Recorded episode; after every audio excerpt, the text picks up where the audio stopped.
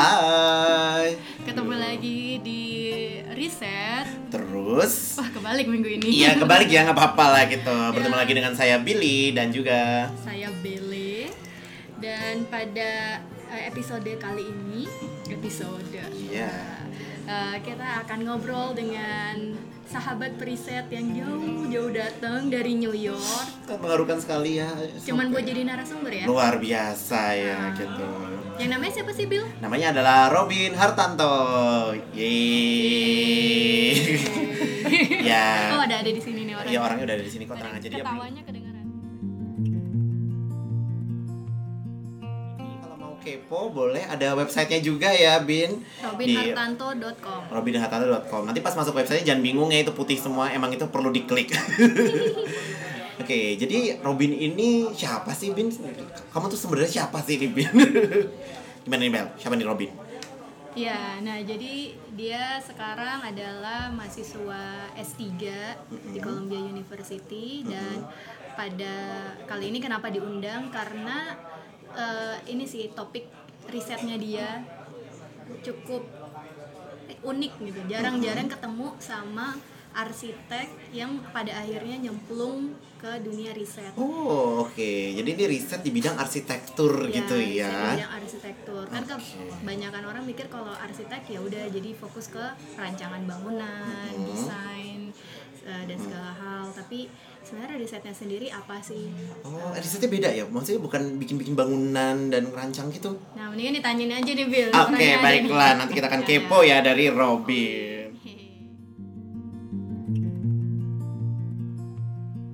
Hai Robin Halo Billy. Ya, jadi Robin, eh, boleh deh, kamu coba perkenalkan diri terlebih dahulu nih. Eh, siapa sih sebenarnya Robin itu? Aduh, pertanyaan pertama langsung eksistensial banget. eksistensial banget luar biasa ya ini. Temennya Kierkegaard memang. Ini berat nih.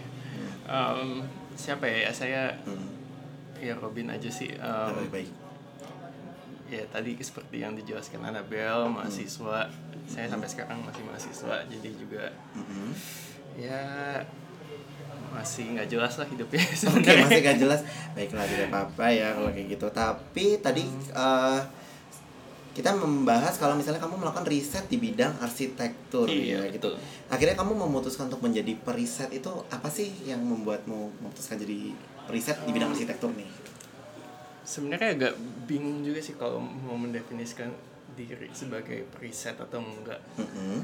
Um, sebenarnya mungkin saya juga nggak pernah kalau disuruh nulis title gitu sebagai periset tuh enggak sih karena Hmm. Mhm. mungkin lebih karena buat saya meriset tuh ya bagian dari aktivitas yang saya kerjakan sebelum berkarya aja gitu Oke. dan mungkin yang perlu dibedain juga adalah riset Em, tadi kan kata Nabel riset di arsitektur tuh unik gitu kan tapi sebenarnya maksudnya juga unik mungkin dalam artian sebenarnya praktik pun juga kaya akan riset gitu banyak praktik arsitektur yang sebenarnya ya udah emang riset dulu sebelum desain gitu Oh. tapi mungkin bedanya saya mungkin riset enggak ujungnya tuh belum tentu ke desain gitu Oh. ujungnya bisa dalam bentuk tulisan bisa dalam bentuk pameran dan lain-lain Oh, oke deh. Maksudnya jadi kayak gimana sih? Riset tapi ujungnya belum tentu desain. Maksudnya desain rancangan bangunan gitu ya tuh.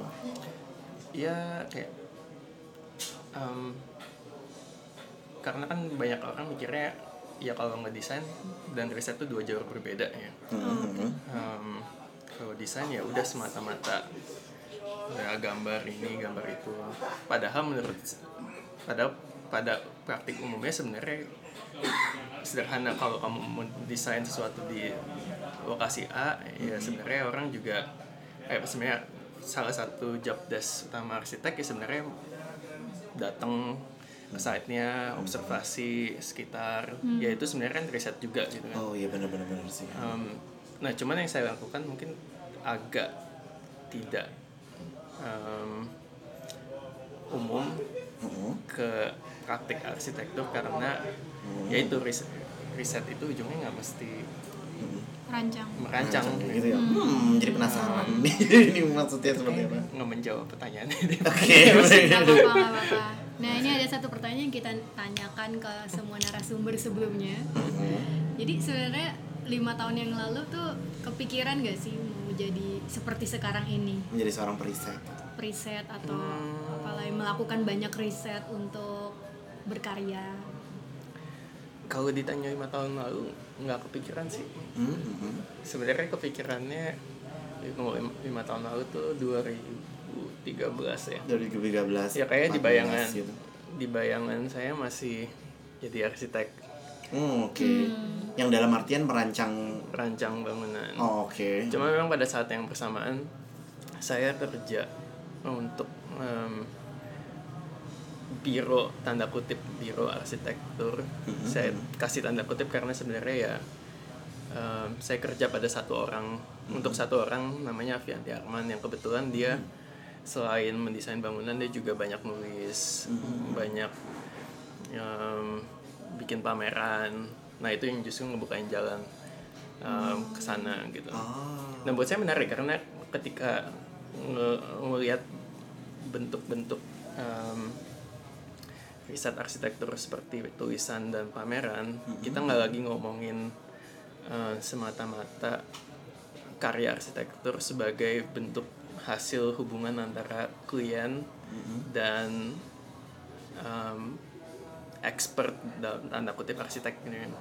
Karena kita mikir ya konvensi konvensinya adalah ya udah ada project arsitektur ada kliennya ada ada expertnya eh, yaitu si arsitek. Tapi kalau kita mikir eh, sebagai kritik eh, krit- apa, tulisan sebagai bentuk eh, karya arsitektur atau pameran bentuk sebagai karya arsitektur kita mikirin em, gimana karya itu jadi berbicara pada publik. Hmm. kadang juga mungkin nggak ada kliennya. Kadang kita, kadang ya udah kita aja gitu merefleksikan arsitektur.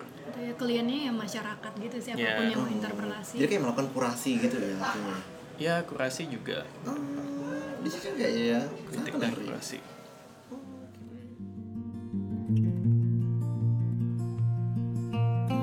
Ya, Bin, tadi kan kamu bilang kalau misalnya riset yang kamu lakukan itu mungkin berbeda nih dengan apa yang biasanya dilakukan oleh arsitek kayak merancang gitu. Hmm. Boleh ceritain nggak sih apa sih riset yang kamu lakukan? Em, pad- yang paling umumnya sebenarnya ya ini sih salah satu yang paling mendefinisikan kerjaan saya sehari-hari itu riset sejarah sebetulnya. Riset sejarah, oke. Em, riset sejarah artinya ya sebenarnya sama lah kayak kita ngomongin sejarah Sejarawan. sejarawan apa yang sejarawan lakukan Mhm. Eh, melihat bagaimana bangunan secara historis dan teoris bisa eh, dibicarakan gitu. Em, bedanya ya ketika kita bilang sejarawan arsitektur artinya gravitasi dari em, percakapan itu ada pada bangunan atau pada ruang. Em, jadi bukan kejadian atau bukan figur tertentu gitu. Mhm. Jadi fokusnya adalah sejarah dari bangunan itu, bangunan-bangunan tertentu Iya. gitu ya. Dan memang kayak saya juga agak hati-hati kalau ngomong bangunan karena Mhm. kayak banyak yang akan setuju mendefinisikan arsitektur semata-mata sebagai bangunan. Gitu. Oh, oke. Karena arsitektur bisa didefinisikan lebih luas dari itu. To- Salah satu Oh. cara amannya ya membia- menyebutnya sebagai ruang. Gitu. Oh. Karena ketika ngomong ruang kita bisa ngomongin uh, landscape, bisa Mhm. ngomongin apa ya, ya sederhana artwork. Artwork kan juga meruang gitu kan. Tapi itu juga jadi ada punya komponen arsitekturnya gitu. Tapi Oh. ketika kita bilang bangunan kita sudah Kotak-kotak. mengkotakkan Kotakkan gitu. arsitektur.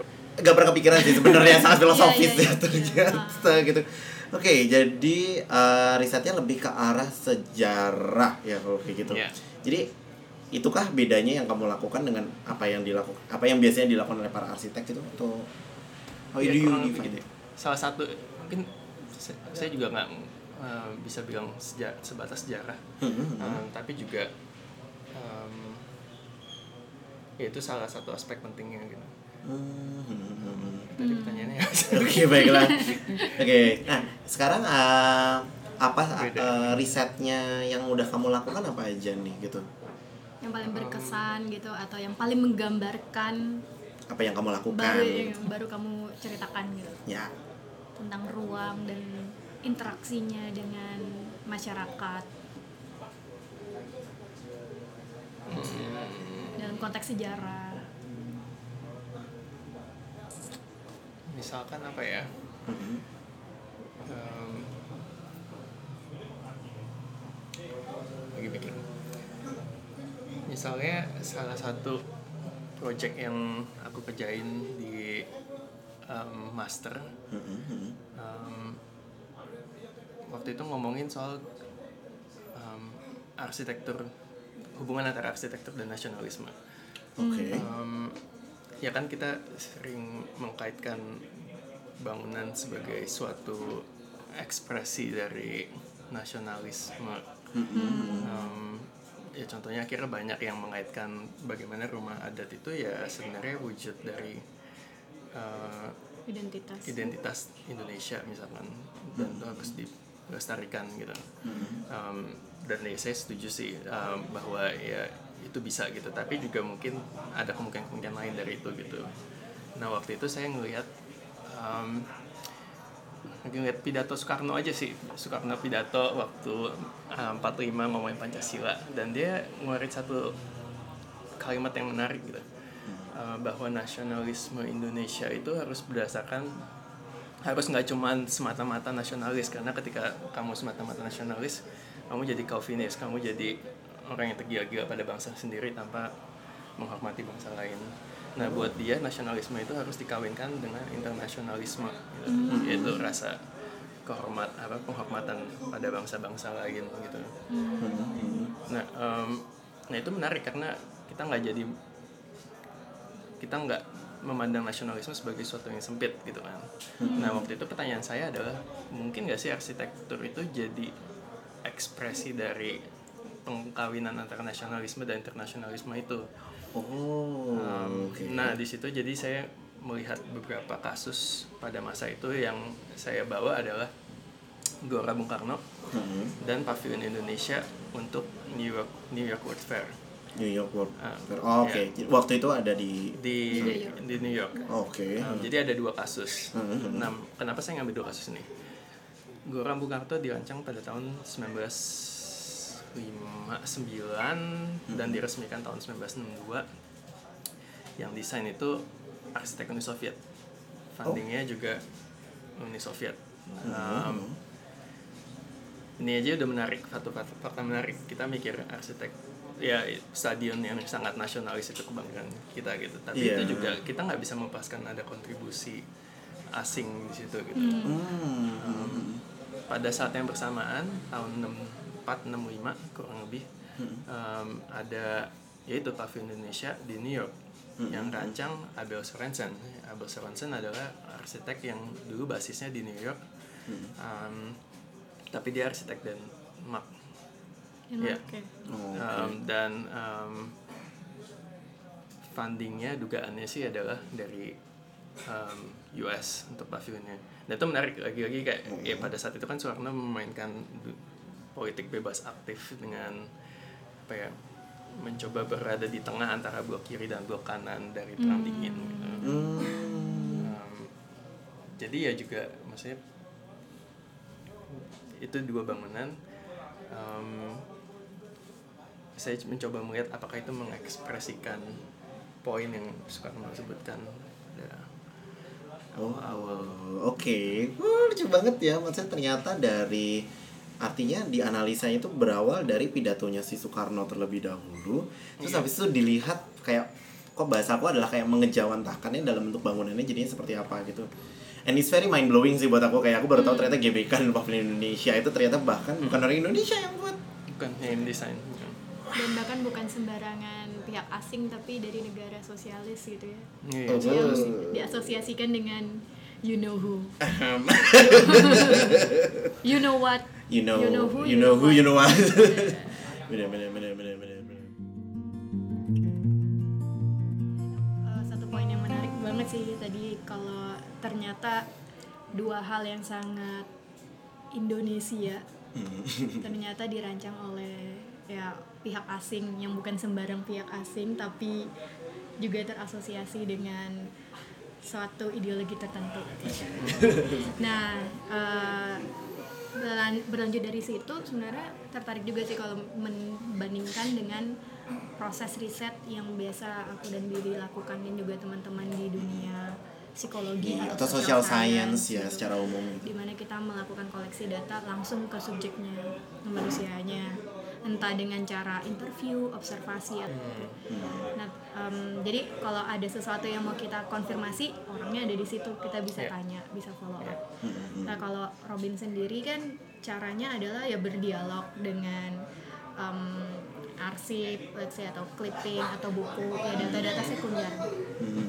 Nah itu eh, prosesnya gimana sih mungkin bisa diceritakan sedikit? Ya, em, biasanya sih kalau dari proses riset yang saya kerjakan ini sederhana kayak kayak saya nulis paper atau atau nulis esai gitu ya pasti pertama em, semacam membuat abstrak kecil yang bisa mendefinisikan proyeknya sebenarnya mau ngapain gitu kan. Em, terus tapi tugas berikutnya sebenarnya merangkum bibliografi kemungkinan-kemungkinan literatur yang bisa dibaca sebagai titik awal mulai riset. Tapi selain bibliografi, tapi bibliografi itu juga membedakan gitu antara biografi da- yang sekunder uh, dan bibliografi yang primer. Primer itu artinya di mana saya bisa mendapatkan data-data primer. Nah itu uh, baik literatur terbitan pada momen itu yang berkaitan sama objek yang saya tulis atau arsip sebetulnya arsip yang ya yang berhubungan dengan kasus tersebut gitu. Em, biasa arsip itu kan ya ada di lokasi-lokasi tertentu gitu. Misalkan kayak tadi saya cerita pavilion Indonesia New York World Fair. New York World Fair arsipnya ada di uh, New York Public Library. Artinya ya saya harus ke New York Public Library. Untung tinggal di sana ya. bener, Pas ya. konsultasi arsip di situ adanya apa aja. Yang GBK itu gimana? yang GBK macam-macam bisa ada yang di arsip nasional Republik Indonesia. Um, terus juga um, kadang-kadang institusi uh, sendiri institusi yang mengelola bangunan itu kan GBK yang megang PPK GBK. Um, kadang-kadang mereka nyimpen gambar atau publikasi-publikasi yang berkaitan. Nah itu juga bisa jadi sumber gitu. Oh gitu. Jadi kayak gedung arsip itu nggak cuma buat kondangan ya ternyata ternyata di dalamnya. gedung arsip dan arsip nasional ah, gedung gedung arsip itu sekarang namanya masih gedung arsip nasional ya? soalnya Oh. gedung arsip itu sudah tidak menyimpan arsip Oh ya? Ah, gedung arsip Another nasional yang di. Gajah Mada Really? Oke. karena arsip sekarang ya, adanya yang di di Kemang di bawahnya itu Ampera. Ampera ya Ampera. Oh ya ampun, the more you know ya kalau dalam hal kayak gini. Tapi artinya datanya yang diambil mostly secondary data ya kalau kayak gitu ya. Prim, primer dan secondary sih Pri- mak- maksudnya secondary Kalau secondary kan biasanya ya kalau kalau dalam riset psikologi sih biasanya secondary is like uh, berkas arsip buku gitu-gitu. Primer kan lebih ke arah misalnya wawancara orang buat nanya say saksi sejarah pada Oh, saat itu gitu-gitu. oke. Kalau di kayaknya rasanya ini cukup umum ya di dunia humaniora. Hmm. Um, data primer adalah data yang memang bersangkutan sama um, sama studinya. Hmm. Um, ini dalam konteks mungkin riset sejarah ya berkaitan sama studinya itu dan diterbitkan uh, dan memang dihasilkan dari kas kasus itu gitu. Jadi misalkan GBK gambar GBK itu sudah pasti data primer karena itu Oh. um, tapi beda gambar artinya gambar yang dihasilkan untuk membangun GBK itu adalah data primer tapi misalkan gambar yang direproduksi oleh majalah majalah yang ya udah tahun kesekian itu udah bukan hitungannya data primer gitu Oh. Um, atau tulisan orang lain pandangan orang lain tentang um, GBK mungkin sudah tidak jadi data primer Oke. Oh, nanti di perspektif. Another perspective. iya Hmm. Agak ribet sih ya mendefinisikannya Hmm. I see, I see. Oke, oke. Oh ya, eh, ini artinya riset kamu waktu kamu master ya artinya. iya Itu masternya di Columbia juga. iya betul Masternya bidang apa itu? itu? masternya bidang jadi nama master saya agak fancy Eh, oke. gitu ya. Iya. Um, kita nyebutnya CCCP um, Mm-hmm. singkatannya dari Master um, of Science in Critical, Curatorial, and Conceptual Practices in Architecture. Oh, oke, agak panjang ya gitu. Fungsinya CCCPA dong. Iya, CCCP in A gitu ya jadi. Kayaknya ada A. intensi untuk menyebut itu CCCP karena CCCP itu um, CCCP um, itu adalah Rusia. Iya, iya, iya. Oh, interesting. Kayaknya di semua ini intermezzo tiba-tiba Uh. di semua alutsistanya Rusia Iya. itu tuh ada label Oh. CCCP. Oh. Makanya aku pikir yang "Hah, CCCP kamu sih antek. Jadi sengaja itu jadi agak sengaja. Rasa ya, gitu. rasanya sih ada intensi terselubung. Hmm, kok agak seram ya. Tapi kalau gitu sekarang PhD-nya di bidang architecture walaupun banyak juga yang memilih untuk menyebutnya architecture history and theory ya. Oh, oke. Ya kalau the the jure-nya sih hmm, hmm. kalau saya lihat di registrasi administrasinya Columbia ya architecture. Oh. Tapi banyak juga um, mahasiswa-mahasiswa PhD lebih memilih menyebutnya architecture history and theory untuk memperjelas sebenarnya kita bukan karena ketika ngomong PhD in architecture orang suka mikirnya ngedesain gitu loh. Oh. Ini jago banget nih ngedesain nih soalnya dia S3 arsitektur gitu. Tapi sebenarnya nggak kita fokusnya di um, ya sejarah dan teori. Hmm, dan kalau kamu sendiri memanggil dirimu sebagai apa ya? suka ini sih serem men- mendefinisikan diri. Oh, Kayak oke. saya lebih suka menyebut aktivitas ketimbang um, Uh, Title. verbnya dibanding ke ya verbnya ketimbang Ah, nounnya. Gitu. oh, oke. Kayak saya lebih suka nyebut kayak ya saya meriset atau saya uh, menulis ketimbang saya penulis, saya periset. Oh. Nah, untuk podcast kita kata kerja ya, riset gitu. Riset ya. Iya. Anybody can do research, right? Iya, bukan preset gitu. Iya betul juga. View. Kayaknya ada beban yang besar gitu ketika udah menyebut pe gitu. Hmm. Dan- ini jadi. Tapi mungkin itu valid ketika kamu sudah menjadikan itu sebagai sumber pemasukan kamu gitu. Secara profesional kamu sudah Ah. berkecimpung di situ. Jadi rasanya itu udah legit lah gitu untuk riset. tangan. Like we do, like we do.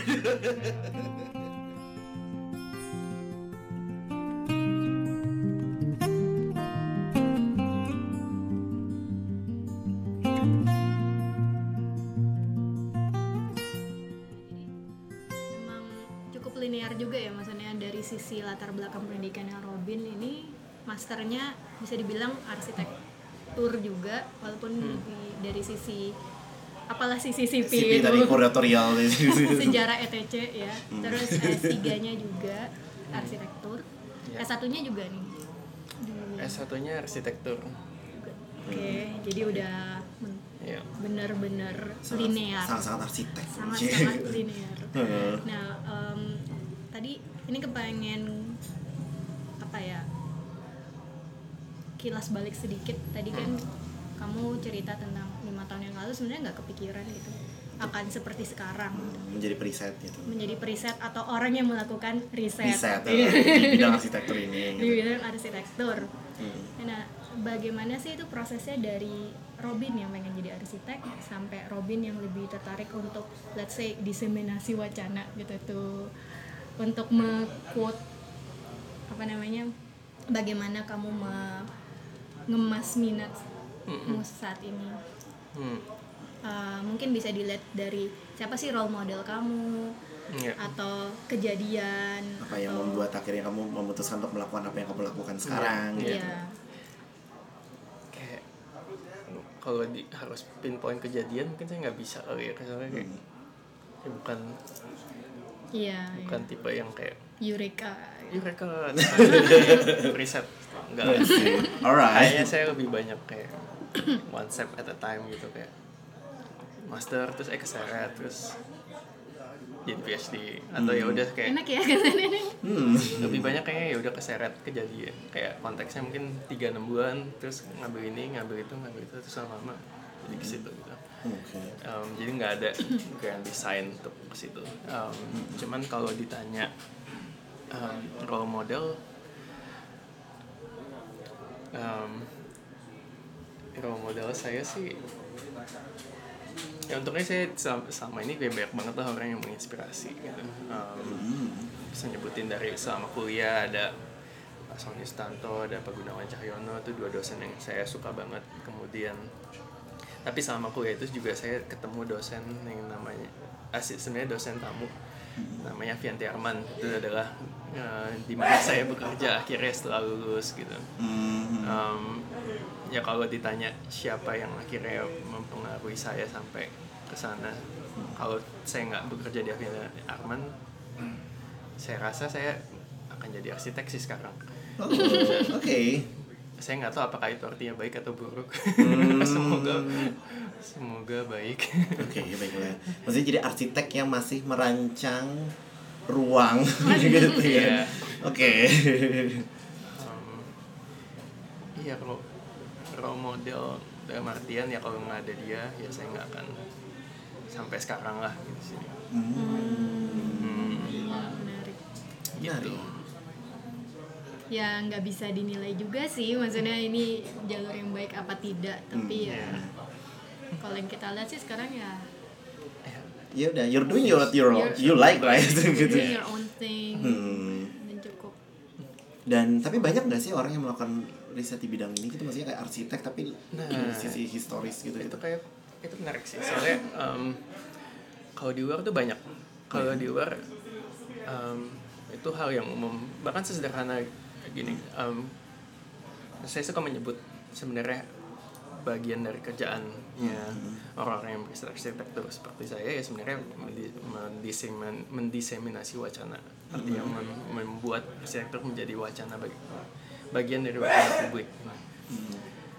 Sederhana misalkan di New York Times Hmm. um, mereka punya job desk uh, kritik arsitektur. Oh ya? Uh, kritikus arsitektur sorry. Kritikus arsitektur. Artinya mereka memang uh, posisinya adalah um, memang ditugaskan untuk mem- yang ngomongin arsitektur gitu. Sedangkan dan mereka punya kolom khusus untuk itu gitu setiap hari entah setiap minggu atau setiap hari gitu. Um, dan itu menjadi menarik karena akhirnya teman arsitektur itu menjadi bagian dari sehari-hari bagian dari koran gitu. Hmm. sedangkan di kita koran kapan sih kita ngomongin arsitektur gitu kapan terakhir kita baca um, project arsitektur masuk di koran. Mungkin kalaupun ada sebagai akhirnya sebagai style gitu kan. Oh. tapi bukan sebagai suatu bagian dari publik. Dan sayang gitu kayak menurut saya banyak miss change aja miss chance uh, yang padahal bisa loh kita ngomongin ini bisa loh ngomongin itu gitu. Misalkan kali jodoh gitu kapitalisasi kali jodoh Oh, oke. kebetulan rumah saya deket dari situ Oh ya? Iya. Um, bukan pekerja kan ya Ah, udah gimana? tapi pelanggan loh pelanggan Oh, oke. Ini gimana tuh kalau misalnya melihat dari sisi kali jodoh nih? Ini contoh nyata kan Nah, soalnya. iya enggak sih sebenarnya ya kita banyak meng-highlight ya kali jodoh terbangun tapi kita nggak pernah mengevaluasi desainnya bagus atau enggak gitu. Um, yang sebenarnya ketika kita bisa mengevaluasi itu artinya kita jadi punya modal buat next step gitu. Dan akhirnya itu juga membangun urgensi untuk mem- mem- apa ya,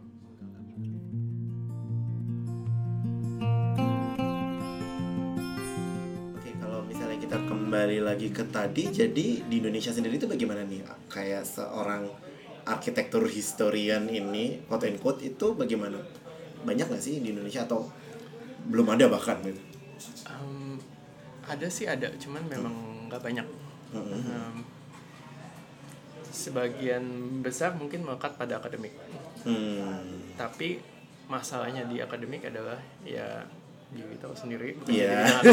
kayaknya di sini ketika kamu udah terikat sama akademik tugas administrasinya cukup besar sehingga sulit buat kamu penetrasi ke luar di luar akademik di luar dunia universitas gitu yang itu sayang karena kalau saya lihat di luar ya justru penetrasi ke luar universitas adalah bagian dari pekerjaannya profesor gitu Tridharma. Iya. Sebenarnya kita Iya, kalau di sini ada. Tridharma sih, tapi Iya. ya well.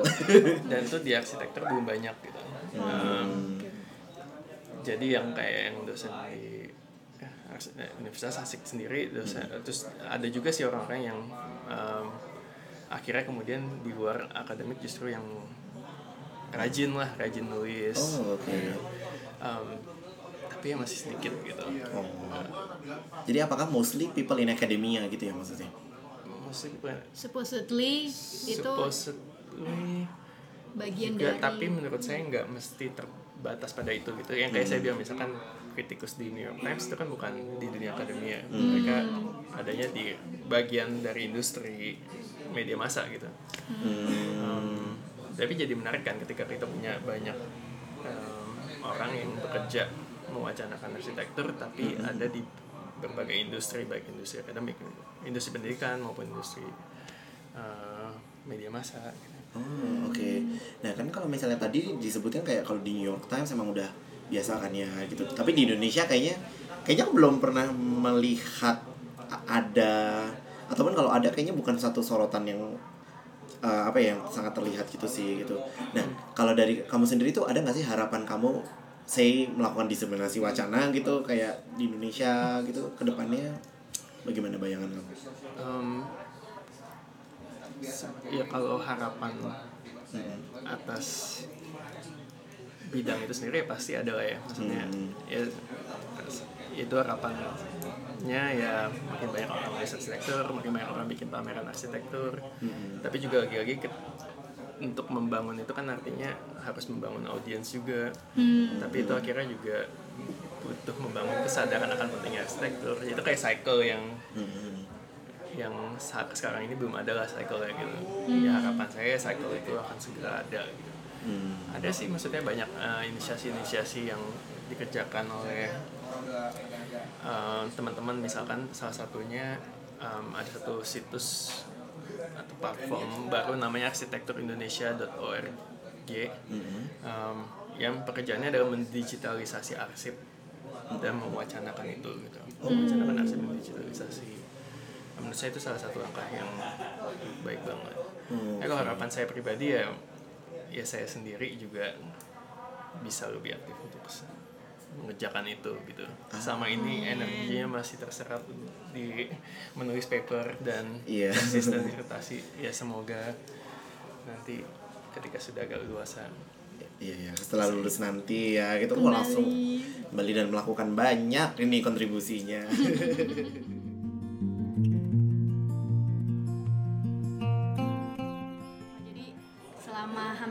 jam ini. Terima kasih banyak nih Bapak Robin. Iya, sudah bersedia untuk diwawancara.